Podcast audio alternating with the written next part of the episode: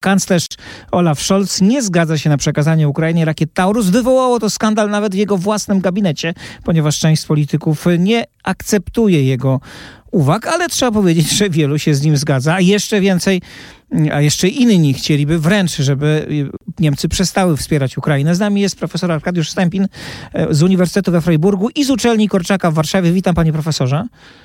Witam pana redaktora, witam państwa. No i zacznijmy od pytania. O co chodzi Olafowi Scholzowi? To znaczy, on najpierw deklaruje, że chce popierać Ukrainę. Były takie jego wypowiedzi bardzo mocne, a teraz wraca do tego tańca na linię. Tak jakby chciał powiedzieć, nie będziemy urażać Rosji, bo jeszcze przypadkiem pan Putin się zdenerwuje. To sugeruje pan e, redaktor, jakby ta zmiana e, kanclerza Scholza i w ogóle tej niemieckiej polityki zagranicznej wobec Rosji w kontekście wojny w Ukrainie była no, taka koniunkturalna. I nie tylko w moim odczuciu, ale generalnie w Niemczech i wśród politologów i też klasy politycznej istnieje silne przekonanie, tak, Niemcy zmieniły swój kurs wobec, wobec Rosji. Natomiast Pana pytanie jest takie, czy e, odmowa e, wysłania Taurusów, to nie są rakiety, to są pociski manewrujące, tych Taurusów na Ukrainę e, jest kontynuacją tej polityki zaciągania hamulca, powściągliwości defensywną wobec, wobec wojny. Nie. Scholz kieruje się tutaj jedną racją, jednym, jednym kryterium. Chodzi o nieeskalowanie napięcia, które mogłoby konflikt ukraińsko-rosyjski przemienić w konflikt natowsko-rosyjski. Problem polega na tym, że te rakiety, które, czy te pociski manewrujące mają możliwość przenoszenia e, ładunku na, do 500 km, czyli mogłyby osiągnąć obszary e, rosyjskie. I w tym momencie, kiedy Ukraińcy nie mogą obsługiwać, przynajmniej przez najbliższych kilka miesięcy, tych pocisków, musiałyby je obsługiwać oddziały niemieckie. Czyli partycypowałaby Bundeswehra w wojnie e, rosyjsko-ukraińskiej, a to mogłoby ściągnąć podejrzenie rozlania się konfliktu na kraj natowski. To jest argumentacja to jest, Scholza, ale to jest argumentacja część... i rozumowanie Scholza. Tak, ale część polityków, nawet niemieckich, mówi, to nieprawda, bo można by było ściągnąć ukraińskich żołnierzy do Niemiec, tam ich nauczyć obsługiwać tego sprzętu i dopiero potem wysłać sprzęt e, do e, Ukrainy. Dodajmy jeszcze jeden element, także prawdziwy, to znaczy od jakiegoś czasu, od początku wojny na terenie Ukrainy są na przykład żołnierze brytyjscy, którzy szkolą żołnierzy ukraińskich i to nie wyeskalowało konfliktu. Więc ta argumentacja Scholza, nie chcę powiedzieć, że się kupy nie trzyma, no ale może być podważona z różnych stron. Ona, ona jest e, e, podważona i nie chciałbym być e, traktowany jako ten, który jakby legitymizuje argumentację Scholza. Natomiast Scholz zwraca uwagę jeszcze na jedno, czyli niepartatową rolę czy rangę Niemiec i Wielkiej Brytanii, Francji, czyli państw posiadających broń nuklearną. Tej broni Niemcy nie mają, stąd traktowanie Niemiec na równi z Francją i na równi z Wielką Brytanią jest w pojęciu Scholza nieuzasadnione. No, znowuż, to mówi Scholz, ale pan profesor doskonale zdaje sobie z tego sprawę, bo o tym informują media, że część także klasy politycznej Niemiec, także część jego gabinetu, do tych jego wyjaśnień odnosi się, no powiem bardzo tak. łagodnie, z, dużym, z dużą rezerwą. Tak, a jeszcze bardziej jeszcze bardziej tak barwnie i mm, konkretnie e, podważają jego stanowisko e, członkowie innych partii, czy nawet FDP, czyli koalicjant, czy, czy nawet Hadecja. E, natomiast to jakby stanowisko Scholza ma w jakimś stopniu uzasadnienie i potwierdzenie w opinii społecznej w Niemczech, która rzeczywiście hiperwrażliwie reaguje na możliwość eskalacji konfliktu e, rosyjsko-ukraińskiego na rosyjsko-natowski.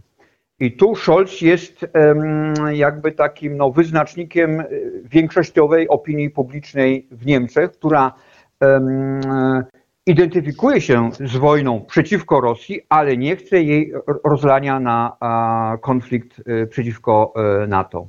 Panie profesorze, ale opinia publiczna w Polsce, no. dlatego prosiłbym o takie częściowe wyjaśnienie, reaguje na takie tłumaczenia um, niemieckich polityków, czy na takie myślenie niemieckiej opinii publicznej alergicznie, ponieważ to trochę wygląda z tej polskiej perspektywy jak kontynuacja starej polityki, a na to się nakładają jeszcze obawy związane z działalnością AfD czy skrajnie lewicowych ugrupowań teraz na terenie dawnego NRD, które no, wprost są prorosyjskie. W związku z tym cały czas to pytanie w bardzo wielu Polakach istnieje. Czy rzeczywiście to, co pan powiedział, że ta niemiecka zmiana jest trwała i ona nie jest koniunkturalna, tylko jest rzeczywiście głęboką zmianą.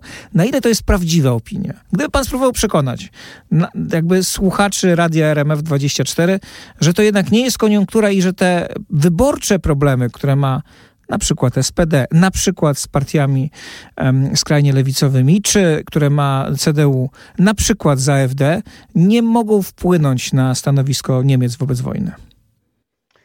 No, więc e, te partie, i AfD, i ta ultralewica, która teraz prawdopodobnie przybierze e, nową twarz w postaci nowej partii ultralewicowej e, Sary Wagenknecht, identyfikuje się, ja nie powiedziałbym do końca z pozycją rosyjską, jakkolwiek istnieją powiązania szczególnie między AfD a, a wywiadem rosyjskim i, i, i Rosją, ale generalnie nie zarzucałbym nawet tym partiom ultraprorosyjskiej e, polityki. Większość Niemców czuje w kościach obawę, i to jest obawa historyczna, przed konfliktem e, Rosja-NATO. Natomiast e, niuansowałbym, że ta obawa i ta defensywna postawa nakłada się jakby na tą siatkę tej tradycyjnej, przynajmniej do 2022 roku, polityki mm, rosyjskiej, polityki rosyjskiej y, Niemiec. Mamy dwa zjawiska. Zmianę tego wielkiego tankowca, e, czyli niemieckiej polityki zagranicznej, także wobec e, Rosji, a jednocześnie próba nierozwiązania konfliktu na, na kraje e, natowskie. Scholz jeszcze reprezentuje jeden taki mm, sposób myślenia, że nie ma w tej chwili, w obecnej chwili, w konflikcie rosyjsko-ukraińskim, nie ma Wunderwaffe, czyli ani Taurusy, ani wcześniej Leopardy nie są tym game changer. To, czego Ukraina potrzebuje, to milionów pocisków mm, amunicji.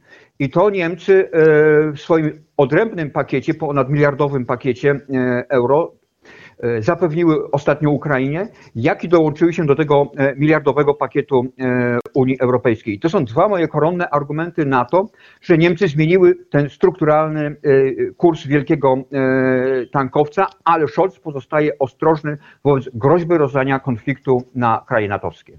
Oczywiście faktem jest, że Ukraina najbardziej potrzebuje w tej chwili pocisków. To zresztą nawet przyznał Donald Tusk, czy, czy, czy prezydent Czech, Republiki Czeskiej, ale z drugiej strony też wiadomo, że sami Ukraińcy mówią, że broń dalekiego zasięgu, w tym samoloty, w tym właśnie pociski sterujące, są potrzebne, żeby móc wygrać tę wojnę, a nie jedynie ją przedłużać. O, o tyle te um, pociski manewrujące e, Taurus um, uzasadniałyby czy legitymizowałyby e, to, co Pan w tej chwili e, powiedział, ponieważ można byłoby nimi zniszczyć tę dostawę broni, która idzie prawie w 100% z Morza Czarnego na obszar Ukrainy Wschodniej, czyli tam, gdzie toczą się w tej chwili największe walki, poprzez e, cieśninę e, kerczeńską i most kerczeński. I zniszczenie tego mostu odcięłoby Rosję od dostaw. W tym sensie, w jakiś sposób te, te Taurusy nie byłyby może tym oczekiwanym game changer, te, tą, tą Wunderwaffe, ale mogłyby się przyczynić do um, zmniejszenia potencjału drapieżniczego Putina. Bardzo dziękuję profesor Arkadiusz Stępin, Uniwersytet we Fryburgu i Uczelnia Korczaka w Warszawie. Bardzo dziękuję za rozmowę. Dziękuję uprzejmie.